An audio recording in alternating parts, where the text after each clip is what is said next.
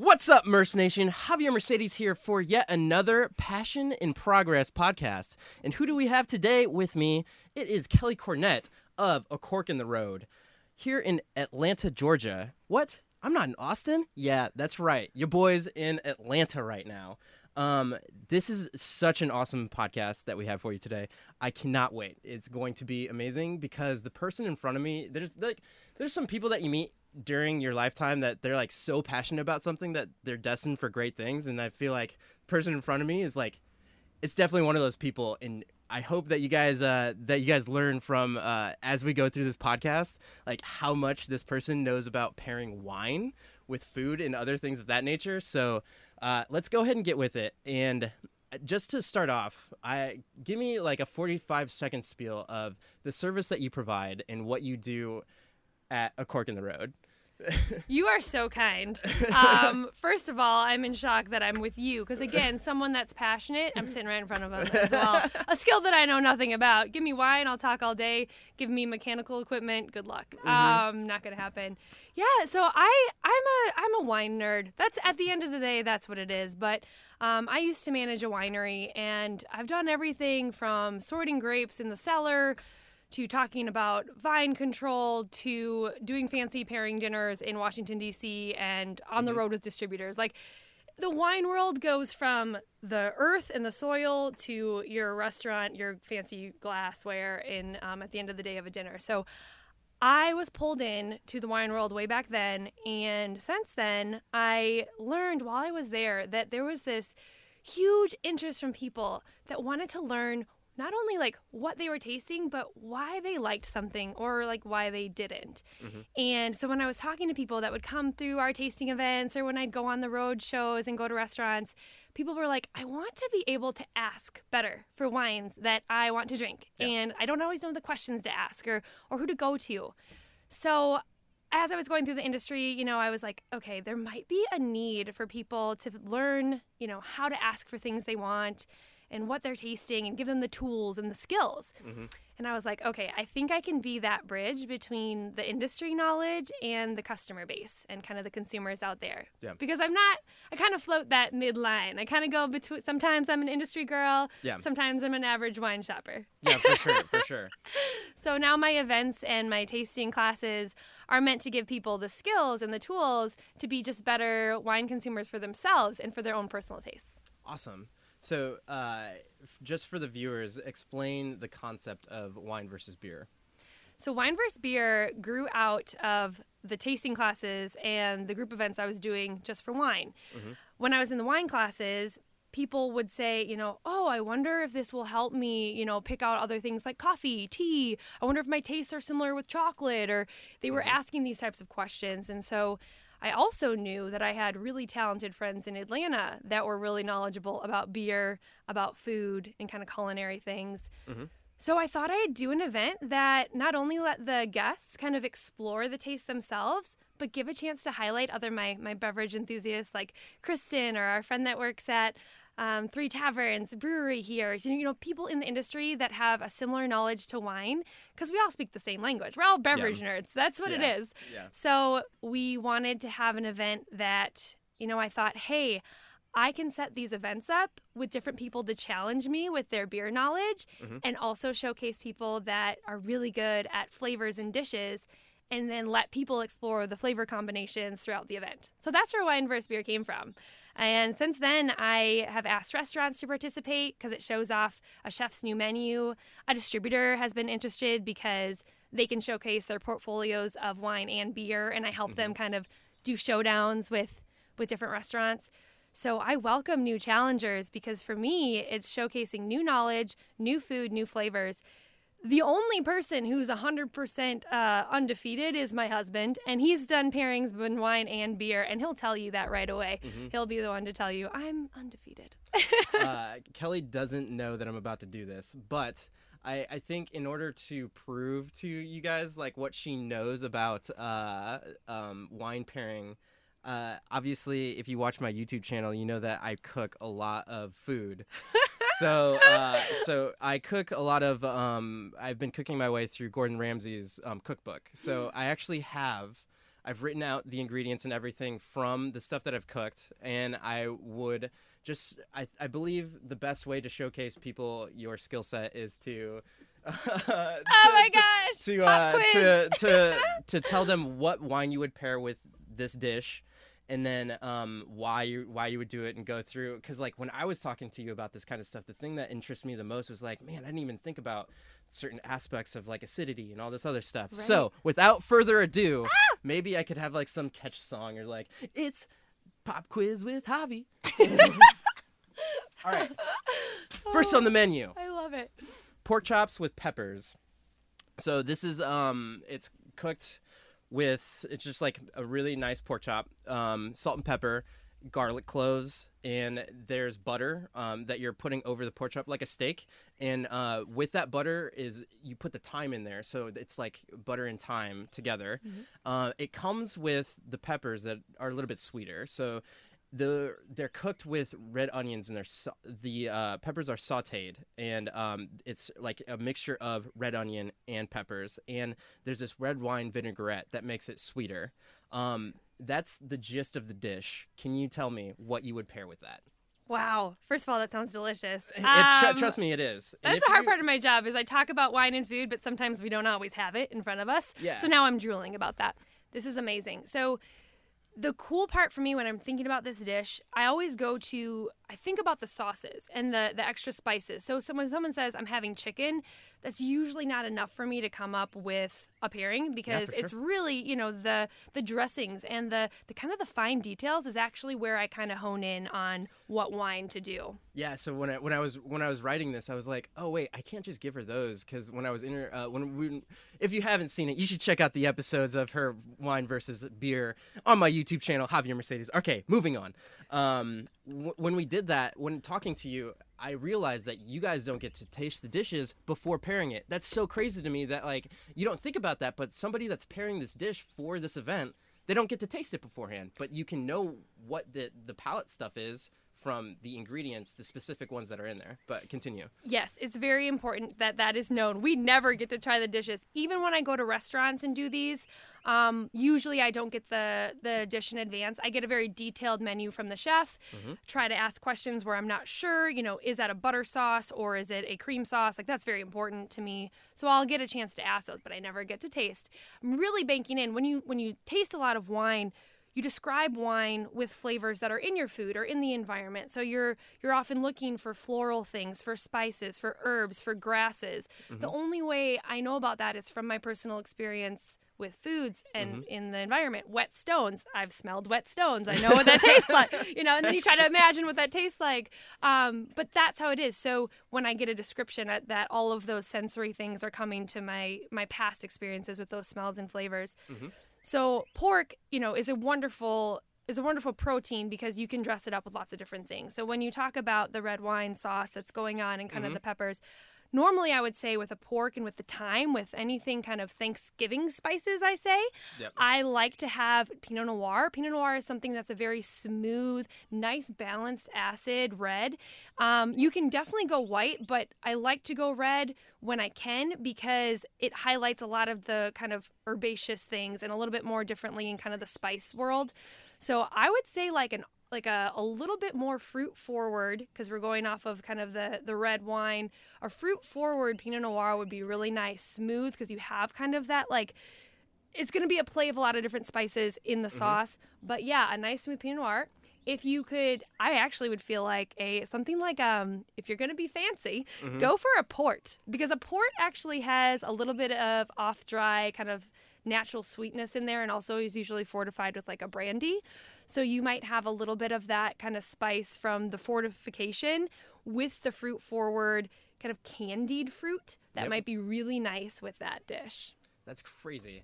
I actually just tried port for the first time, um, I think like a year ago, and I didn't know what it was. But the guy that was the guy was super into port, and I was just like, it just reminds me of a ship port. I don't know what you're talking about. like, and then I was like, oh, it, it's kind. To me, it reminds me of like a mulled wine, something something that's like when you when you mull spices with with a wine, it, it's like a it's like a blend of something. That's right. I'm I'm trying to sound like I know what I'm talking You about when it, when it comes do. to wine. You know, port to me also, I feel like whenever I talk about port or sherry, I'm always like, you need a fireplace and it needs to be winter. Like, you need to be sitting somewhere cozy Yeah, with a fireplace For and maybe a cigar. Like, that's what I feel. yeah, for sure. All right, dish number two. Let's get to it. All right, so moving on, roasted cod with walnut, lemon, and parmesan. Um, this is cooked. It's it's roasted in the oven. It's cooked with butter, walnut pieces. Uh, think of um, the cod that what's going onto the cod is basically all of this stuff is the breading that's going on there. So it's the breading is uh, walnut pieces, fresh breadcrumbs. In that is uh, grated zest of lemon, and then uh, after the, after it comes out of the oven, you put some Parmesan cheese on it, salt and pepper, and then what also goes on to it is this parsley and caper sauce, and it's uh it's mi- it's mixed with the. Uh, it's a mixture of fish stock is the biggest liquid that's in there, and then capers, uh, small bunches of parsley, and then uh, it turns into a white um, sauce that you have to constantly stir to not have it clump up with creme fraiche. Uh, so when you you put it, you put that sauce on top of the roasted cod. What would you pair with this? Oh, that sounds so cool. Yeah. Okay, so my head is spinning with okay, that we're in the white world. We're definitely in a white wine situation here. The minute you said creme fraiche, whenever I have kind of creamy, especially lemon, lemon is actually pretty difficult to not find a wine that has an acid that clashes with the citrus of um, citric acid in lemon and just lime in general, like citrus flavors. So I'm definitely going white, and I'm definitely going very crisp. I want a high acid white. But the thing is, you were talking about walnuts and kind of parmesan, which is like a nutty flavor. So I'm going in, I would like to highlight that. So when I find out in a dish that there's like a flavor like that, I'm like, what wine would be able to highlight that? And a lot of times, a um, an oak aged it could be a half stainless steel, half oak aged, like a Viognier or a Chardonnay that has a little bit more weight to the body. So you have a little bit of kind of a, a heavier mouth feel, but it has kind of a nutty undertone. Sometimes they have kind of um, a pecan like kind of feel. I've had some like that, or um, yeah, just like a, a roasted nut tone would be really cool if it was an oak aged, barrel aged. Um, Chardonnay from kind of New World. I'm thinking like a heavier, or a Viognier from uh, like Loire Valley that maybe has some touch of oak to it, so it brings out those kind of nuttier tones to it. Awesome. But high acid would be important too. You got to have the high acid when you're pairing with acid. Awesome. I I love the term acidic acid because it's just like a it's it's you're saying acid with acid. Uh, but- Yes. but but uh, somebody somebody actually pointed that out to me. Like that's not Oh no, a, a citric acid. Yeah. no, no, yeah. you you said it correctly. I what I'm what I'm talking about is like, oh, it's like, do you put some acidic acid on there? And it's like that's not a term. That's But- not a term. But the way that you said it was correct. I'm just saying whenever when I when I would describe something, I was like, oh yeah, you put some acidic acid on that, and it's not that's not a thing. in cooking that Um, probably comes y- up. yeah, if, if you hang out with me enough, I, you find out that I just make up words, and then if you say it with enough confidence, it becomes true. So wow. moving on, dish number three with Javi and Kelly.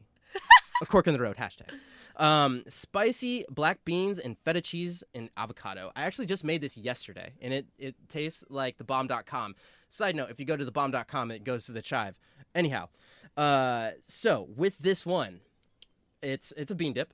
Um, but the way that it's made uh, is I, I love it because it, it tastes really good. Um, it's more than just the bean. So small onion, it's charred in there, and then that so you sweat the onion until it has a char on it. Then you put in the garlic right before you start to get a burnt on the onion, um, and then that garlic also starts to get the char on it. Then you put in the black beans.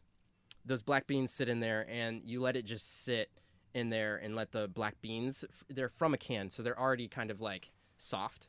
But you let them get soft and just soak up that awesome goodness. And while they're soaking, there's cumin, there's coriander, um, there's uh, cinnamon in there that all just kind of marinate together.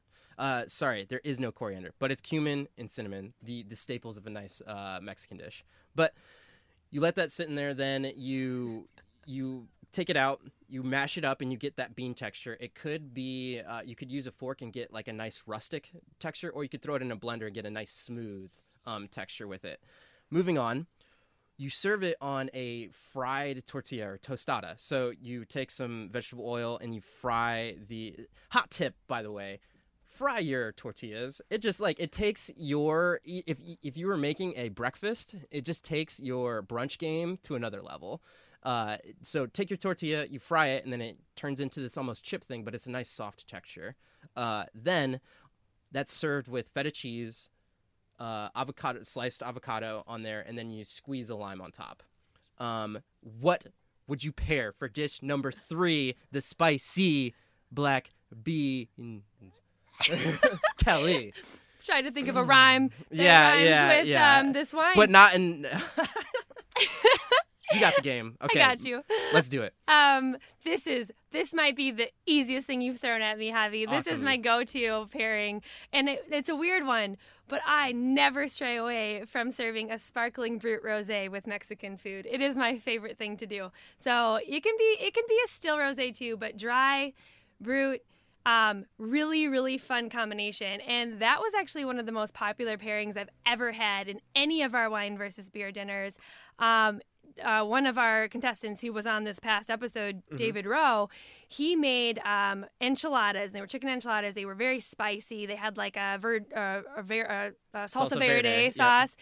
And I just threw in this Austrian. It's called the Meinklang um, Frizzante. It's a rosé. That sounds like a powerful wine. It has a the cow. Meinklang. It has a cow on the front. It's amazing. so you know Um, it's good. It's so good. It's so good.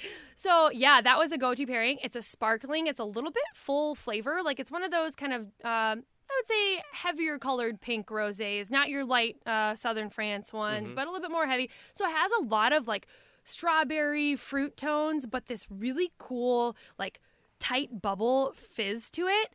Oh my gosh, with the avocado, with the spice, it just cut right through the spice and it balanced out the dish to just give it this like bubbly kind of mm-hmm. fizz thing. So when I'm thinking of your the beans and the the the dip part of that, yeah, mm-hmm. anything with Mexican flavors, I start with a bubbly rosé, and then if not bubbly, then I definitely even think that just a still rosé is still nice mm-hmm. because it gives it this floral strawberry tone, very opposite than trying to match the the citric acid and the citrus flavors. You don't want to match those. Yeah. You want to go with um, something a little bit different when it comes to the to the Mexican flavors. Rosés are so hot right now. So so pot right now. Yeah, uh, they're they're Hotlanta. Um, talking to other wine connoisseurs, it seems like the it's like the it's the hipster thing to do right now. Rosés. That's me trying to know what I'm talking It's about. It's true, but you with- you with know rosés. hashtag rose all day. You know it. I mean, yes way rose. It's becoming such a thing. There is even a company now. I think she started on Instagram, but she was yes way rose, and like now Yes it's like Rosé. yeah, now it's like um in rose all day, and they all have T-shirts now, and it's like a brand, and they like sell products with it on there. And I was like, so it's become a thing. It's Mm-hmm. definitely a cultural shift. Um, but even even so in the restaurant world, I I even see a lot more rosés by the glass now, and you never used to see that because I think people assume pink wine sweet. Um, and in America, that's kind of what it was. We weren't getting kind of the French style, the old world style rosés. We were getting white Zinfandel. Like back, you know, 20 years ago, that's what rosé pink wine was. It was sweeter. And so, you know, changing the mindset of these wines can be super cool with food because usually they are higher acid. When you have a rosé, there's a couple ways to make the rosé, but the the cool part is a lot of them are made from red grapes, and you start with the process of like that you're going to make red wine, but you stop the fermentation process with the skins, the seeds, and you drain off the juice really early. I mean, I'm talking like within four to six hours. Is, that, is the term for that the runoff? Is the, that, yeah, the uh, okay. sa- uh, sangri or the sa- I uh, have no idea. Yes, there's a bleeding off. It's like the, the French okay. word for bleeding off the the the liquid, and then you have this kind of pink colored juice, but it's from originally the red grapes, the skins. So if you have a really dark red grape, you're starting with a lot more potent color, a lot more potent flavor. So if you start with like a um, a Cabernet Franc grape has a really thicker skin, you're gonna get a heavier flavored rosé, even that it starts the the fermentation process, you're stopping it on a really bold grape. You're bleeding off just a little bit of juice from it that's been in contact with the skins. You're going to still get some cool flavors. So that's for me. When you go to the store, you look at the rosé aisle, it's like shades of rosé. You can like taste the rainbow of rosé. Yeah, and it's so cool because you can see the through those kinds of glasses too with the way that the rosé looks. Oh, It's like a water, but it's like not. It's not. And you mm. can definitely be nerdy. If you want to ask a, a wine shop, we'll be very happy to hear this. If you're like, I'm looking for a rosé with skin t- contact co- time of. Uh, oh, you're looking. I'm looking for a rosé with skin contact of four to six hours. They'll look at you and they'll be really excited. They'll think you're crazy, and then they'll be really excited to help you.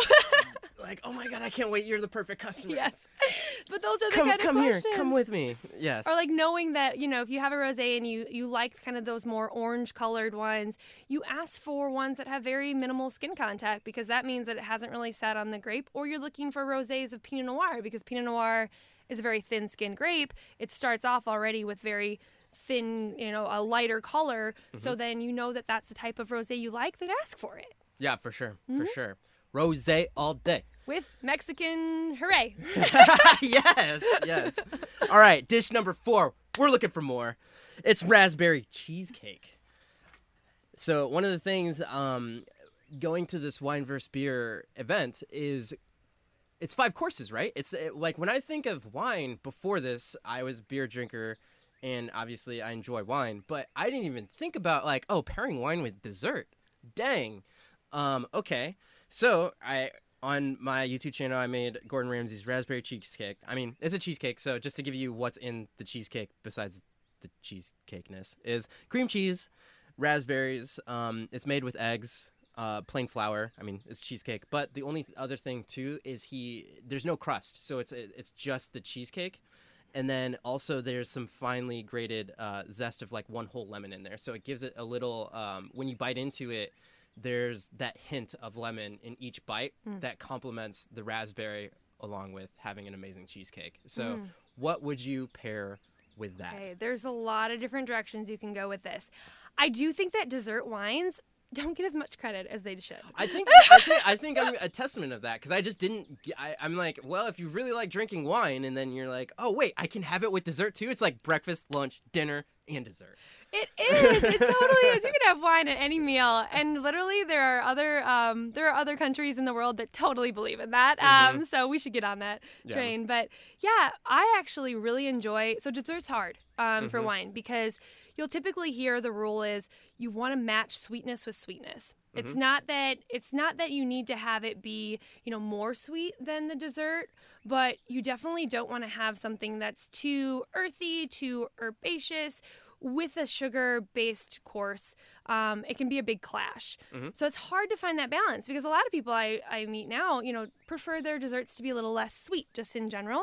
So then you're trying to find wines that have kind of that mid level sweetness, maybe like a 7% residual sugar, 7 to 10%. So they're not like dessert wines, like ice style wines are like 16%, just for example, Yeah. like for residual sugar that's left. And, you know, you can have like a, a nice I, I think it's crazy that you think of the dessert wine. So looking at it in terms of um, alcohol content, but it's not alcohol content. It's like how much sugar is it bringing to the table, so it doesn't overcompensate or not compensate. It just doesn't overflow you with sugar. Right. That's that's crazy. But continue. No, it's true. You can't. You don't want to knock people out with sugar. Ah, you can't do that. So it's finding that nice balance. And if you think about it, sometimes a lot of desserts play off this concept already on the dish because they like to do like sweet and salty. Think about that. Like a lot of people like caramel salt. You know, or caramel, caramel sea salt type desserts. Yeah. It's playing off that if you did sweet and sweet, it might be too much. A lot of people might not want, you know, a caramel wrapped in chocolate, which sounds amazing. But if you don't really want super sweet, then you're going to go salty with the caramel instead of other mm-hmm. sweet. So when I play with desserts, you know, my typical thing, I love to do like really, if I'm going to do like an ice style wine, which is really my favorite type of dessert wine because it's a long process. They're very I respect people that make them because you literally wait till the grape freezes on the vine. So you make these in oh, like that's up, you know, upper upstate New York and the Finger Lakes are doing that. In Canada, they do a lot of ice style wines where their grapes do naturally freeze on the vine. And then you go pick the frozen grapes and you press them. And so the sugar that comes out, imagine that. I mean, it's very concentrated. It's almost like a syrup that drips through, Yeah, and it sure. takes forever to press that grape. So you get like these golden honey type wines that are just like super, super rich. A lot of times they have a very smooth, full bodied taste, but they're still sweet. Mm-hmm. So if I'm going to do that, I like to do something completely not sweet. I'm doing like a cheese plate or like a cheese, like a salty cheese plate with an ice style wine is one of my favorite desserts. You know, Mm-hmm. Yeah. it's perfect. Um, so for your cheesecake, I don't want to go super, super sweet. I don't think I would serve It's a a lot of sugar in there. A lot of sugar, yeah. So I'm thinking with cheesecake, I'm not going to do something that's really, really high sugar, typical dessert wine, but I'd want something a little bit off dry. So this I'm going to go in my head. I've, I've had some, we actually used to serve this at the winery I used to work at. It was a, um, an off-dry Chambourcin grape, but it could be it could be any type of kind of table red wine. Um, a lot of grapes for that are like Grenache or even um, even like a Merlot, but it, it could be something that's more of a an Sangiovese, something that's kind of like a, a table wine for the dinner, but if, if it's done in an off dry style. So, for example, the Chambourcin that we had was like about three to five percent residual sugar, had a nice sweetness to it. Mm-hmm. You could even chill it, and I would definitely chill this for the dessert pairing. Mm-hmm. So, a nice chilled off dry red that has a very fruit, like cherry, strawberry flavor at the forefront of the palate but serve it a little bit chilled to go with the dessert because I think that would be like almost like drizzling an extra sauce on top of the cheesecake with this kind of off dry wine pairing. God, it's, it's like there's so many other things you could dive into just in pairing alone of talking about palate and all like so you're talking about chilling and all that stuff and I for me I I'm not even thinking about oh this is served cold you don't you're not gonna like here's a dry red wine. Like it's completely it, it's it's it touches all spectrums of how you have a dish. And uh I I I'm curious to see if it, it was even like the music that's playing in the background would would accentuate or devalue the kind of wine that you're having with a, a raspberry cheesecake in like the atmosphere that you're in. It's crazy. Can I do a shout out to a really cool person who has that exact concept? Sure. Um, so Sean, Chef Sean Brock, he was on Food Network. He's awesome, doing some really cool things in the South. And I went to his kind of small project called McCrady's. It's like a 18 topper restaurant um, in Charleston, South Carolina, and it's where he just like unleashes all of his culinary like creativity and it's like a, a 15 course meal throughout the Jesus night Christ. it's amazing and You're probably full by the end of that. Yeah. I was full and very drunk because each, because each of the courses came with a wine or a beer pairing. Yes, but here's what I'll tell you: you you're onto something because he actually makes sure that the music soundtrack throughout every dinner serving is strategically played at the different courses. So what he's playing on, so you know, he might have like Smashing Pumpkins is supposed to come on, and this is like legit. He he'll have that come on at a certain course that he feels that that song is perfect with the wine you're getting, the food you're. I mean. It was part of the experience that I've never seen very intentionally done, but it really elevated the whole experience because you were like, I'm already smelling and tasting a bunch of stuff, and then you're like, but listen to what he's playing. Oh my gosh. So he he definitely focused on combining all of that into a really intimate like 3-hour meal, but it was the experience from the sound, the taste, the smells. Yeah. Super shout out to that concept because that is a really big part of just what you're tasting at that time, what your experience is. Yeah, that's it's crazy because uh, watching things like Chef's Table and other culinary uh, documentaries like Somm or other, other things like that, what you're talking about in terms of experience is eh, once you reach that certain level of being a culinary like expert, there's so much more than just the food that's there. It's like um, what's is it Alina in Chicago? That, Alinea, that- yeah, Alinea, yeah. like that place where uh, I mean, I haven't been there, but just seeing the the stuff that comes out of there with that whole sugar balloon and all that stuff, it's like you're you're eating you're eating the air that's in the balloon and then whatever that membrane thing is. Uh, if you haven't seen, just like look up that clip. It's it's really cool.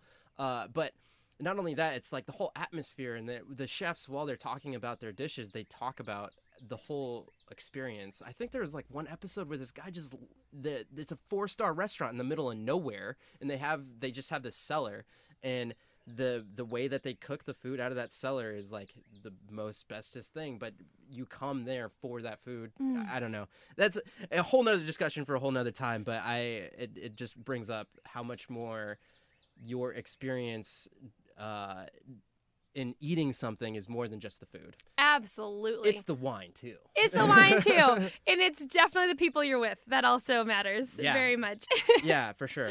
Um, so I could I could do some rapid fire ones, but I think I think I just wanted to give people a sense of your expertise and your skill set and what you do. Uh, so I I'm pretty sure you have an understanding of a cork in the roads, uh, where she sits with pairing wines to different foods. Um, you should probably send her send her some hashtag a cork in the road. Uh, just like take a picture of your own food and be like, hey, you know what? What would you pair with this? A cork in the road. Is that is that a good hashtag? Hashtag a cork. Yes. Oh my god. Do you know that would be like that's my favorite type of text to get. It's my favorite type of phone call.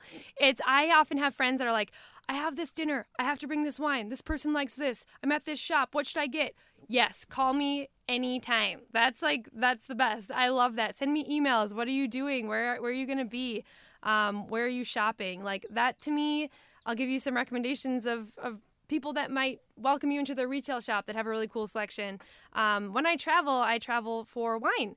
And you were just mentioning some like culinary experiences, and I was recently in New York City, and I had the honor of going to 11 Madison Park, which to me was like in New York City, like that to me just is doing the whole culinary experience at this uh, level that I didn't know I could even experience. Um, and what was really cool is we had a chance to meet the the former somm there. He now has a retail shop, and in in New York City called Verve Wine. Um, Dustin Wilson, he's in the Somm films. He's amazing, but he he has found that the retail space, different than the restaurant space, is where he gets to talk to customers more often and help them buy wines on a daily basis That's that crazy. they want to cook with their food. And so Yeah. he has the restaurant background. But then when you talk to people, you people that when you go shopping for wine, if it's a retail shop that is just about wine and having that be a specialty thing on their shelves, that they have hand selected everything on their shelves, they want you to come in there and have a specific reason what you're, you know, what you're looking for, Yep. what you're wanting to buy. Yep. So that is the coolest part of that retail space. Yeah, for sure. And you get one-on-one interaction with the people that your end product. Well, I guess in the when you're cooking food for people, that's the most like here's this food I literally made it and then here's that. But also you get to interact and they get to be a part of the experience. It's not just here's here's this list of wines. Like here's a whole space. Let's go to town. it's that's so cool. It's so cool. Learn so much doing a show like this. Really cool, interesting people like a cork in the road. All right, let's move on to now that people have a sense for who you are, your background, and everything else that you do with um, wine versus beer and everything else. Uh, I heard from a bird that uh, you spent some time in Argentina, correct? See, See, see. see, D- um, w- were you studying there? I did. Yeah, I studied abroad during college. I did a program in Buenos Aires. Uh, my question is getting to experience other cultures like that for an extended amount of time does that affect your palate and what you do to approach wine pairings and things of that nature You just sent me into dreamland of remembering Argentina. Let me come back. um, yeah. Oh, here I am already like thinking of. I just was like, one moment, I'm going on vacation. I'll be right back. Um, it absolutely was a time in my life where it shaped how I thought about wine. Was Mhm. just living in a culture, you know, one of those countries where wine is just served at the meal. It's an automatic. It's a part of. It's it's the side dish. It's the accompaniment. It's what goes with that food. Wine was served in little juice uh, juice sized cups at dinner at my house at my host family. Um, it was like little like instead of a water or a milk cup, you're like here, have your red wine with your dinner. Mhm. Um, it's part of every day, and it's about where it comes from. So when I was in Argentina, it was a cultural experience to learn about the wines that they grow there, especially with the importing and exporting the way that works. You know, they're not drinking Napa wines there. That's not what they get. So mm-hmm. when you're there, you're really drinking what is served more locally. And when I was in Argentina, I was really focusing on drinking things like Bonarda and Malbec, things that the Argentine culture drinks so often. So a lot of their food ends up being something that evolves, or, you know, it could be vice versa. I don't know, chicken or the egg. The wine Yep. and the food end up really complementing each other. So that's the experience you get there. And then um, I did go on a, a trip to Mendoza, to the region there. I was riding my bike around to all the wineries, and um, which is a great experience. Very dangerous, but Mm-hmm. um, super fun. And it's like you're encouraging people, but not encouraging people to do it. they do have police. safety. They do have police escorts at the end of the night to make sure all of the the wine tasting tourists get back to their rental bike shops uh, Mm-hmm. appropriately. So they do take care of you there. Um, but I I remember going to the vineyards there.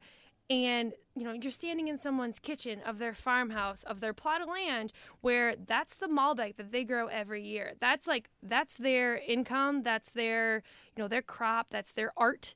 Mm-hmm. And just seeing it in person, that was kind of the first time where I spent an extended amount of time on a vineyard in you know wine country like that where it's not commercialized in the same way that um, they're preparing to export all around the world. A lot of times there, you're going to smaller places. That a lot of that just stays in South America or in Argentina. That's so cool. It's like it's like the um what's uh, it's like the craft brewery, but you're doing it wine style down Wine there. style. Yeah, that's awesome. Uh, and not only that, but you get the whole agricultural um, aspect of it, which is it brings me to my next point. Um, you was it West Virginia where you were um or Virginia? Virginia. Uh, Virginia, where you were managing a winery, correct? Correct. Yes. Yes. Um, in the Shenandoah Valley of Virginia, about two hours west of DC.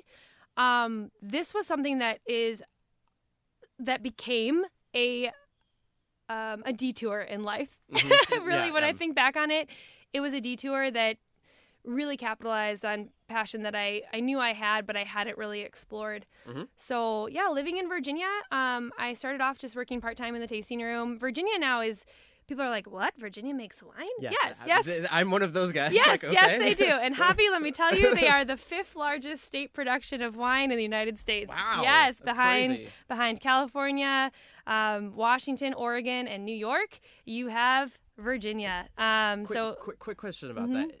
How much factored into why they're the fifth is? Does it have to do with climate and real estate?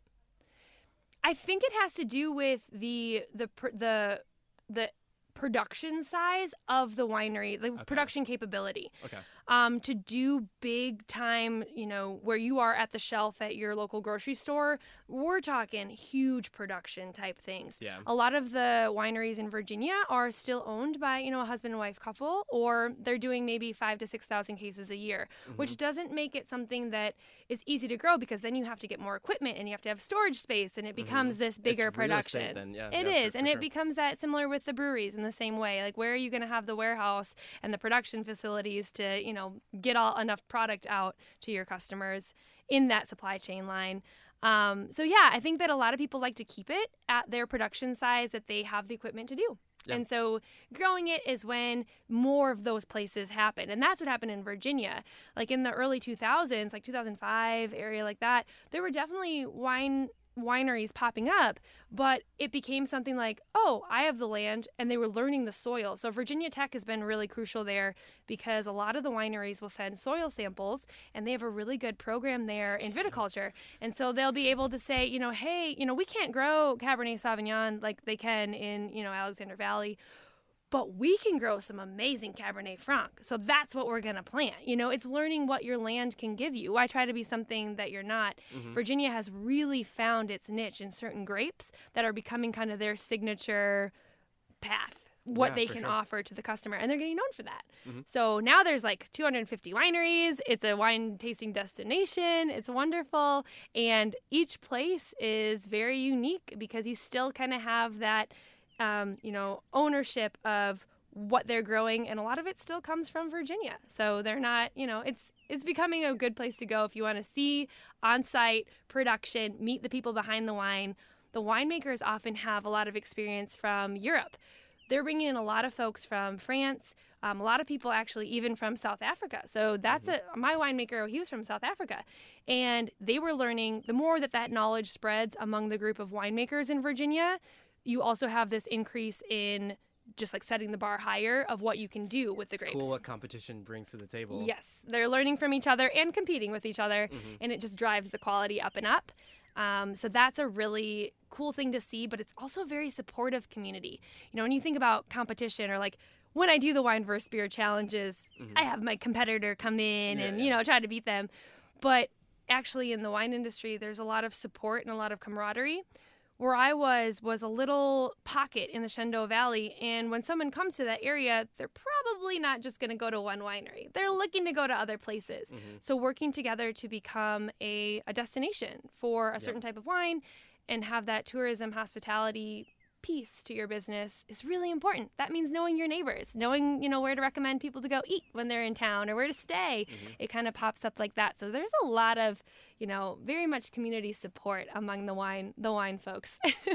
That's that's that's really cool to hear that your branding in and of itself is part of a bigger uh, picture. Like you're you're you're.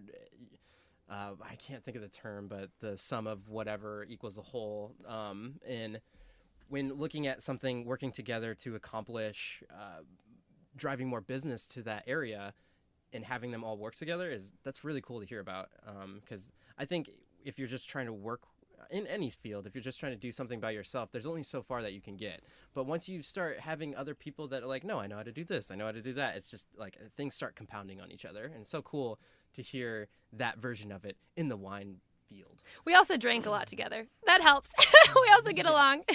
yeah yeah we did a lot of like wine wine member it was the Shenandoah Valley Wine Growers Association meetings where everybody brought a bottle from their winery and we all just, you know, shared tips. What kind of bugs are you dealing with right now? What's the what's the weather looking like? How are you dealing with frost while drinking all of the wine? Brings it, people it together. sounds like the best way to have a business conversation it brings people together. yeah um, are you interested in becoming a somm yourself You know, I've definitely considered it. I think for me, not necessarily the somm route. The most interesting route for me is the WSET courses. Um, What what is that for, That some, for somebody that knows nothing about that field? Wha- It's like the wine specialist route. So a certified specialist of wine. Oh, it sounds exactly like where you would want your skill set to go. Yeah, yeah. Exactly. It's more focused on wine. So the somm, I mean, I have so much respect because when you watch the movies, and they did a great job with this, is they know service and they have to know liquor, they have to know cigars, they have to know all of Oh, it. yeah. I mean, it is just this massive world and the geography and the history of where things come from. So I dive really deep into wine, and one of the third level of the WSET course is actually where you get into the blind tastings. And right now, that's where my skill set is. I have not taken the the courses and the study material to you know be able to talk about the history of the vineyards in France and I mm-hmm. want to learn that. So I'm, I'm learning that as I drink something I want to know about that mm-hmm. vineyard and where it came from. But when it comes to the flavors and knowing just about wine production in general mm-hmm. that's the course that I would take. If I ever get the chance to do it that's where I'd head. I think you bring up a great point in the whole experience of drinking the wine and or eating or doing anything with food or wine. And I know we touched on this before. Is story is king. Story is such a king, and, and even in doing something like this, the more you can acclimate yourself and know about where something came from, the more it's just like man it's just like it, it it'll start to taste better in your mouth like like In your mouth. uh, yeah in your in your face uh uh but the true story I, I interviewed um resign wine and just while like while we're doing the interview they're they're telling me about all of their trials and tribulations of starting a wine business and you're like man i really just like i'm all for this like story of them starting from scratch and then starting how did how did they get a bottle of wine on a counter space? Like where does that come from? And when you start learning about where they came from it's like man this wine tastes so much better because it's like you can see the sweat and everything that was put into that bottle um, and when I was talking to you earlier, you were talking about how you actually went and you met with the person that made this one wine that you were pairing for this wine versus beer thing. Yes. And and I think that was the hand, like for that one, that was the hands down like I think that one over over everything else during that whole um, meal. But it was just cool that you're like, oh hey, by the way, just the other day I was talking to the guy that probably put this in this bottle Uh, by the way, I, I love your presentation. Like you're so serious when you're doing your wine versus beers. You're like, here, I'm I'm here to I'm not here to play games. I'm I'm here to win. This Javi, I take beer. it very seriously, especially because when I have someone that, uh, like my husband, who likes to just be very happy when he beats me, I have to Mm-hmm. step up my game, my competition side too, and be happy when I win too. Yeah. No, it's really it's it's fun for me because the stories are key. The stories are key because it's the when I have different challengers come in. So like Kristen's story of why she knows about the beer world.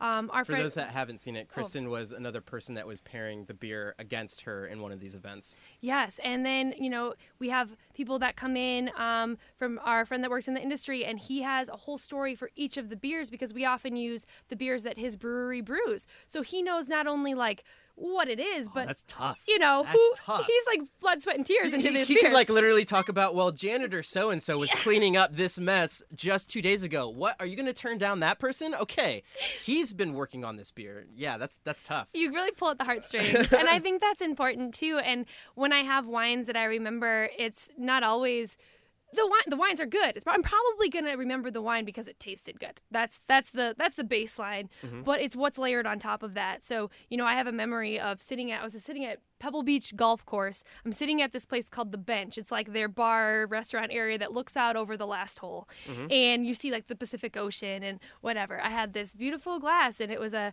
Miner family. They're in in california. Miner family viognier. I like the viognier. It's very good but when I looked around and I looked where I was, I will never, ever forget that glass of wine because, you know, the sea is crashing and the air smells like, you know, California and I'm, you know, I'm sitting in this beautiful place. So the, the stories that you can connect people to are really important. And also who produced it. Um, when somebody has a passion or like you had the opportunity to meet someone who started their own winery it's where did why did they do it? Um, what are the struggles they've encountered along the way? What are their big successes so far? Like it makes it really exciting and you feel connected to that wine that brand going forward. Um, and that's what i i always thought about this with the cork in the road. And yes it's a little it's a play on words but i do i do wine whatever i'm what i do wine in everything else I'm doing as well. Wine is always a part of my path and it's like it's like what I'm doing while life is also happening around me. So that's my like at some point I'll have to make a decision of my fork in the road. Will it be wine or will it be mm, everything else? But right now it's what's happening. Wine is always going to be there. I'm always learning about it, always interested and passionate while I'm doing all other things in life, wine can really weave in through the stories and the people that you meet and the connections and the classes I do. It's like it's all part of my life even if it's not the only path that I'm taking right now. So that's where that that's where that comes from and it's all about the stories and the experiences. Yeah, i think I said this earlier to you, but I think you can't put a price on nostalgia. It's like if if you can hit that stroke of the like you were talking about in Pebble Beach, where you just know and you get the smell, you get the scenery, and everything just like. Or uh, when we were talking about port, like it just reminds you of sitting by a fire, and then it just accentuates that experience. And it, if you haven't had port before, like legitly, it it just tastes like you should be having it by a fire and just like Wearing leather. yeah, yeah, yeah, yeah. Um, but nostalgia is so key, and that plays into the story. Um, one more time, let's uh, just to give people the gist of the wine versus beer thing that you got that you do, and then we'll we'll cap it off. Um, it's uh, at surface, like if you're at an airplane looking down at the event, what's happening is there's five courses, and then uh, Kelly will show up, business or not business as usual, man. She comes to play, uh, and what they do is they pair wines and beers for each course, and there's I'd say about twenty to twenty five people there, right? Right. and it's a great experience but the the overall statistics and things that you get from that the data can you explain why you do it from the data standpoint That is so that's the nerdy part. Um, that's the nerdy part, but it is the most important to me because it's I've I haven't seen the information that I'm gathering readily available. So Yep. I feel like I'm I'm gathering something that can be really helpful to the industry. So the the information comes from people selecting whether they liked the wine or the beer with each course, but they also rate the wines and the beers individually. So while before they taste before the they meal. taste the meal. So they're giving me a rating scale of one to five. You know, one being gross. Um, five being I want to drink that every day. It's the best wine ever, and it's kind of their own personal choice. But it gives me an idea idea of the individual scores and then how it might have changed when they have the meal. So let's say you have a, you know, a five scored wine. This person is in love with this wine, but the pairing that I gave them with the food, they're like, mm, that didn't work. We're going to go with beer. That's really important information to me because then I look back, I add this all into my my database, my Excel spreadsheet mm-hmm. kingdom, and I um I look at it and I see, okay, that flavor in that dish did not go well with that type of wine. So then I'm like, okay, I know that that didn't work and it kind of gives that insight. But I also find it very important when I buy the wines from the retail space or, you know, we have someone that is at a restaurant and they're serving it that's on their menu. I gather this information and give them a full stat report after the event. Which is invaluable in terms of R and D. It's it's crazy. It is, and they don't have the they don't always get to ask the questions that I'm asking during the pairing events, or actually get the feedback of like what worked, what didn't, yeah. and in competition with another beverage like beer. So, for example, you know, and guess who touches all of those points? Standing right in front of me, a cork in the road. Uh, continue. Too kind. Um, so I mean, I I really like food and I like drinking. Hey, um, so the the information allows you to give it. I give the report to the restaurants, and I can say, or the retail shop where the wine came from, and I say, you know, this one really shook out. But I also saw that a lot of males liked this wine. I also collect male female information. I collect if they're tea or coffee drinkers. Yeah, or if they like beer or wine regardless what's their bias before they even show up? Yes i have them that's the initial they get their sheet and um, that's the format is they tell me that and then i use that as like confounding variables at the end you know this wine won but was there anything that may have impacted why that won? And i look back and i say oh well you know wine won in this dish because all of the pre-decided predetermined wine people liked that wine. But mm-hmm. then i'll also see you know maybe a beer one and i'm like okay what happened? It converted eight of the wine drinkers to pick beer that's I've really seen it. I've seen it happen personally. It happens actually mm-hmm. quite a bit. Yeah. Um, and that's the cool, exciting part. But that's the time if you didn't have the opportunity to drink both of the beverages at the same time. If you had them a week apart, you wouldn't know. Nope. But if you have them together, and it really allows you to say, in this moment, what am I tasting? What's different? And what do I like? And those experiences, I mean, you could do it at home. You could open multiple bottles and do it, but having it be like, you know, five different pairings, so 10 different beverages, five different flavor, flavor courses in mm-hmm. one night, it really lets you compare and contrast throughout. And then I collect all that information, crunch all the numbers, and then give reports back to, yeah, the retailers, the restaurants, or the guests when they come. Um, and my challengers, you know, who comes in and they get to see how their pairings did as well. Mm-hmm. It's, and it's crazy because I'm biased towards beer but what she was talking about it, the I think it was the the was it from Argentina the guy that you just met right before oh, the um no that was he's from Alsace France uh, Alsace. Trimbach yes okay. so Mr. she brought Trimbach. yeah so so she brought this wine had had the awesome story and everything to pair with it um I tried uh, both the beer and the wine tasted amazing beforehand. Um, I think that was my favorite wine, just tasting it by itself. Uh, but the beer, I think she had the Pog for that one or an, an, another one. Uh, but anyhow, it was a great beer uh, and I love beer. So uh, was that with the pork? It was pork. Yeah. So this was the main course, and it was phenomenal pork. Shout out Baines. Um, anyhow, after having it the, with the wine, it was like holy cow! It just like it completely changes the timbre of what's going on in your mouth. And it's funny that you say that phrase a lot, talking about this kind of stuff. Side note, uh, but also when you have that i was like no literally that and with the dessert course when you when i had the wine it was like uh, it's it's not, it's like kind of sugary or whatever but then when it was paired with a sugary thing it it was it was the sugar wasn't there. It just complemented everything that was going on in the dish. Same with the pork one. It was like holy cow i could drink this like water. This is like i just wanted eat the pork and drink the things. It was so good. Go back and forth, back and forth, yeah, one and yeah. one. And, one bite, one sip, one and, bite, one sip. Yeah, and like I said, uh, I think that one won by a landslide uh, during that course. But it's it's so crazy that you can have something and just be like, what? And then you have it with the meal, and you're like, oh, that's the whole reason they did it was because of these things. And so I think the craziest one that you paired for was the um, your friend Liza was super into organic things, right? And she paired most of her decision to pair for that one, which the wine won on this one, was because her friend loves organic things. So she went for the most organic and what bio. It was, was biodynamically farmed Verdejo. yes. Yep. That's yeah, why. Mm-hmm. Hashtag green living. Um, I'm gonna just keep throwing out those hashtags. I don't know if hashtagging things is dead, but you should definitely send your meals and ask a cork in the road what you should pair your wine with to her on Instagram, on Twitter, all those things. But anyhow, uh, w- a, a, a cork in the road. That's where you can find you, right? Yes, at Uh, a cork in the road. So for these events, is there any information that you want to give to other people that say they're a retailer or whatever? Mm-hmm. How can they get in touch with you, and what what does that look like? That's awesome. Yeah, I actually am looking to do more of these. Our friend group here, we love organizing them. I mean, I kind of I set up the event, I do all of the coordinating of time and and you know making sure everybody's got their their assignments of what they're doing. And i welcome new challengers and things like that. But we do it for our friends. And oftentimes we bring in new people that have heard about it and it's becoming you know sometimes i have a wait list now and i feel really bad. So i'm looking for more venues to do it. Um, i've had some i've done one at a restaurant that was really popular and a restaurant can do it really easily. All they have to do is just reach out to me direct message on instagram send me an email a cork in the road at gmail.com send me an email if you want me to do an event. It really needs to be a place that already can serve wine, beer, and food.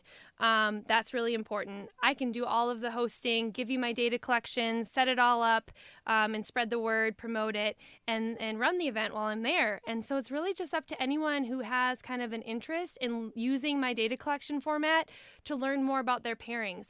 I often find that new restaurants really like this because they're trying new things, or a farm based restaurant that is always changing up their menu seasonally and always has a kind of a limited beverage list.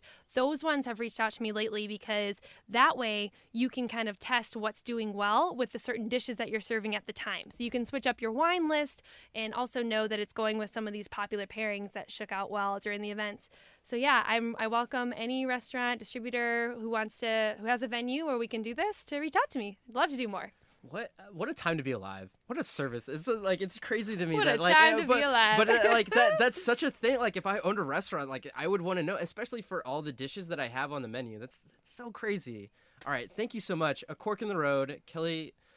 Thank you so much for being on the show, and I hope you guys reach out. Send her. You know what? If you're like making mac and cheese tonight, send her send her a photo of that. Uh, if you are, you know, I might. Well, I'm not. I was gonna say baby food, but don't give don't give wine to your babies. um, because you make a. I have a kid. You make a lot of baby food. Um, yeah. I hope it was a good experience, and I will see you guys on the next one.